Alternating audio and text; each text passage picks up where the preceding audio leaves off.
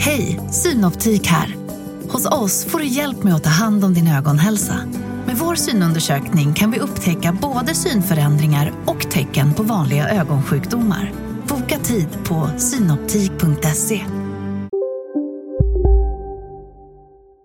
Hej och välkomna till Lisa läser. Det är jag som är Lisa och idag ska jag läsa Jack och bönskälken. Det var en gång en ung änka som levde ensam med sin son Jack. De var mycket fattiga och en dag hade den unga kvinnan bara ett par kopparmynt kvar att leva av. Vi blir tvungna att sälja våran ko, sa hon uppgivet. Jack hämtade kon och gav sig iväg mot byn. På vägen mötte han en gammal man i underliga kläder. Det var en trollkar.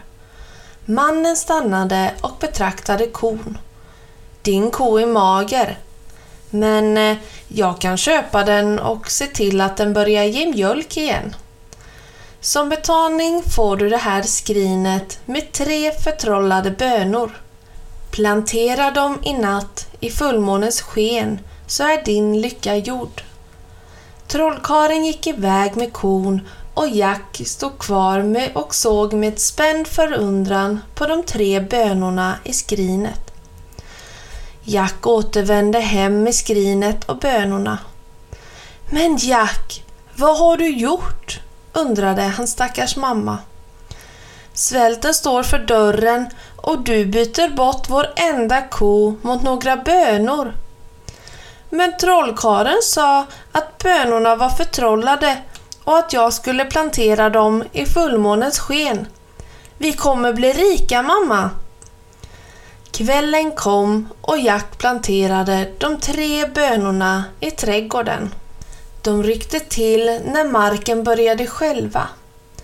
En planta trängde upp genom marken och sträckte sig mot himlen. På bara några sekunder hade den förtrollade bönskälken vuxit sig högre än alla andra växter i trädgården. Jack och hans mamma såg förskräckta på den väldiga bönskälken som sköt upp framför deras ögon. Mamma, jag prövar lyckan och klättrar upp. Och Jack började klättra upp i den jättelika plantan som hela tiden växte. Var försiktig! ropade hans mamma. Men Jack hade redan klättrat så högt upp att han inte längre kunde höra henne. Bönskälken fortsatte att växa hela natten. Jack höll nästan på att falla i sömn när han plötsligt upptäckte att han befann sig ovanför molnen. Till sin häpnad fick han se ett praktfullt slott där uppe. Tornen och portarna var av renaste guld. Jack hade sett slott i sina sagoböcker, men det här var både det största och det vackraste som han någonsin hade sett. Kungen som bor här måste vara väldigt rik, tänkte han. Ett skott sköt ut från bönskälken och slingrade sig rakt mot den förgyllda porten. Med ens befann sig Jack framför den väldiga porten. Jag knackar väl på, tänkte han, så får vi se om det kommer någon och öppnar. Och han behövde inte vänta länge. Långsamt öppnades den tunga porten. En vänlig dam tittade förvånat fram.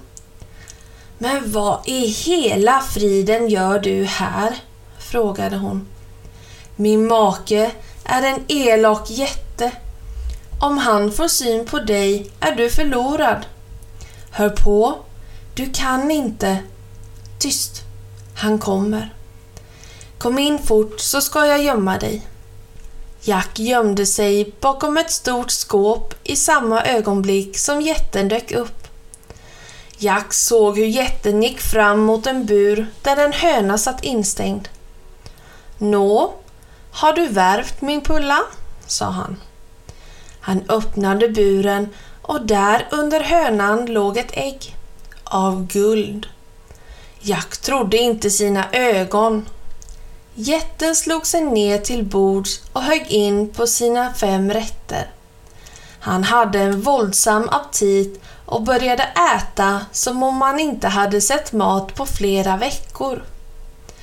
Framför honom stod en harpa helt i guld. Sjung något vackert för mig, harpa, befallde han. Harpan började sjunga de mest underbara melodier med sin kristallklara röst. Jack hade aldrig hört någonting så vackert. Och jätten högg in på sin sjätte steg och sitt fjärde krus vin. Men efter en stund började han bli sömnig. Mätt och belåten la sig jätten framför den öppna spisen och föll i djup sömn.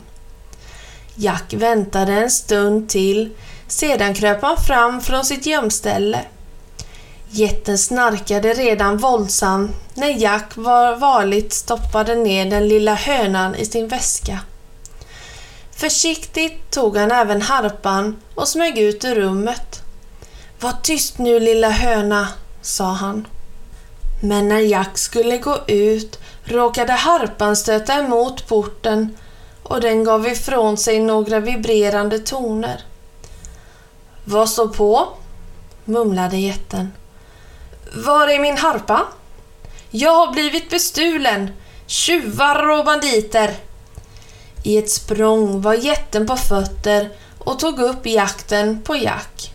Stanna din rackarunge! Vänta bara tills jag fått tag på dig. Du kommer att ångra att du klättrade upp för bönskälken.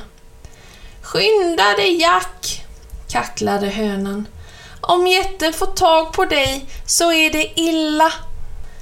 I rasande fart klättrade Jack ner för bönskälken. Jätten var klumpig och långsam så han kom på efterkälken. Jack nådde marken långt före honom. Han skyndade sig in i vedboden och hämtade en stor yxa.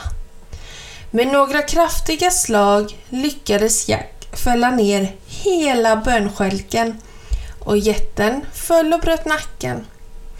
Hurra! ropade hönan. Nu behöver jag aldrig mer sitta instängd i en bur. Som tack för att du befriade mig ska jag värpa ett guldägg åt dig varje dag. Jack kastade sig i sin mammas famn eftersom hönan höll sitt löfte och värpte ett guldägg varje dag behövde Jack och hans mamma aldrig mer vara fattiga. Tvärtom blev de så rika att de kunde dela med sig till alla fattiga i hela trakten. Och snipp, snapp, snut så var denna saga slut.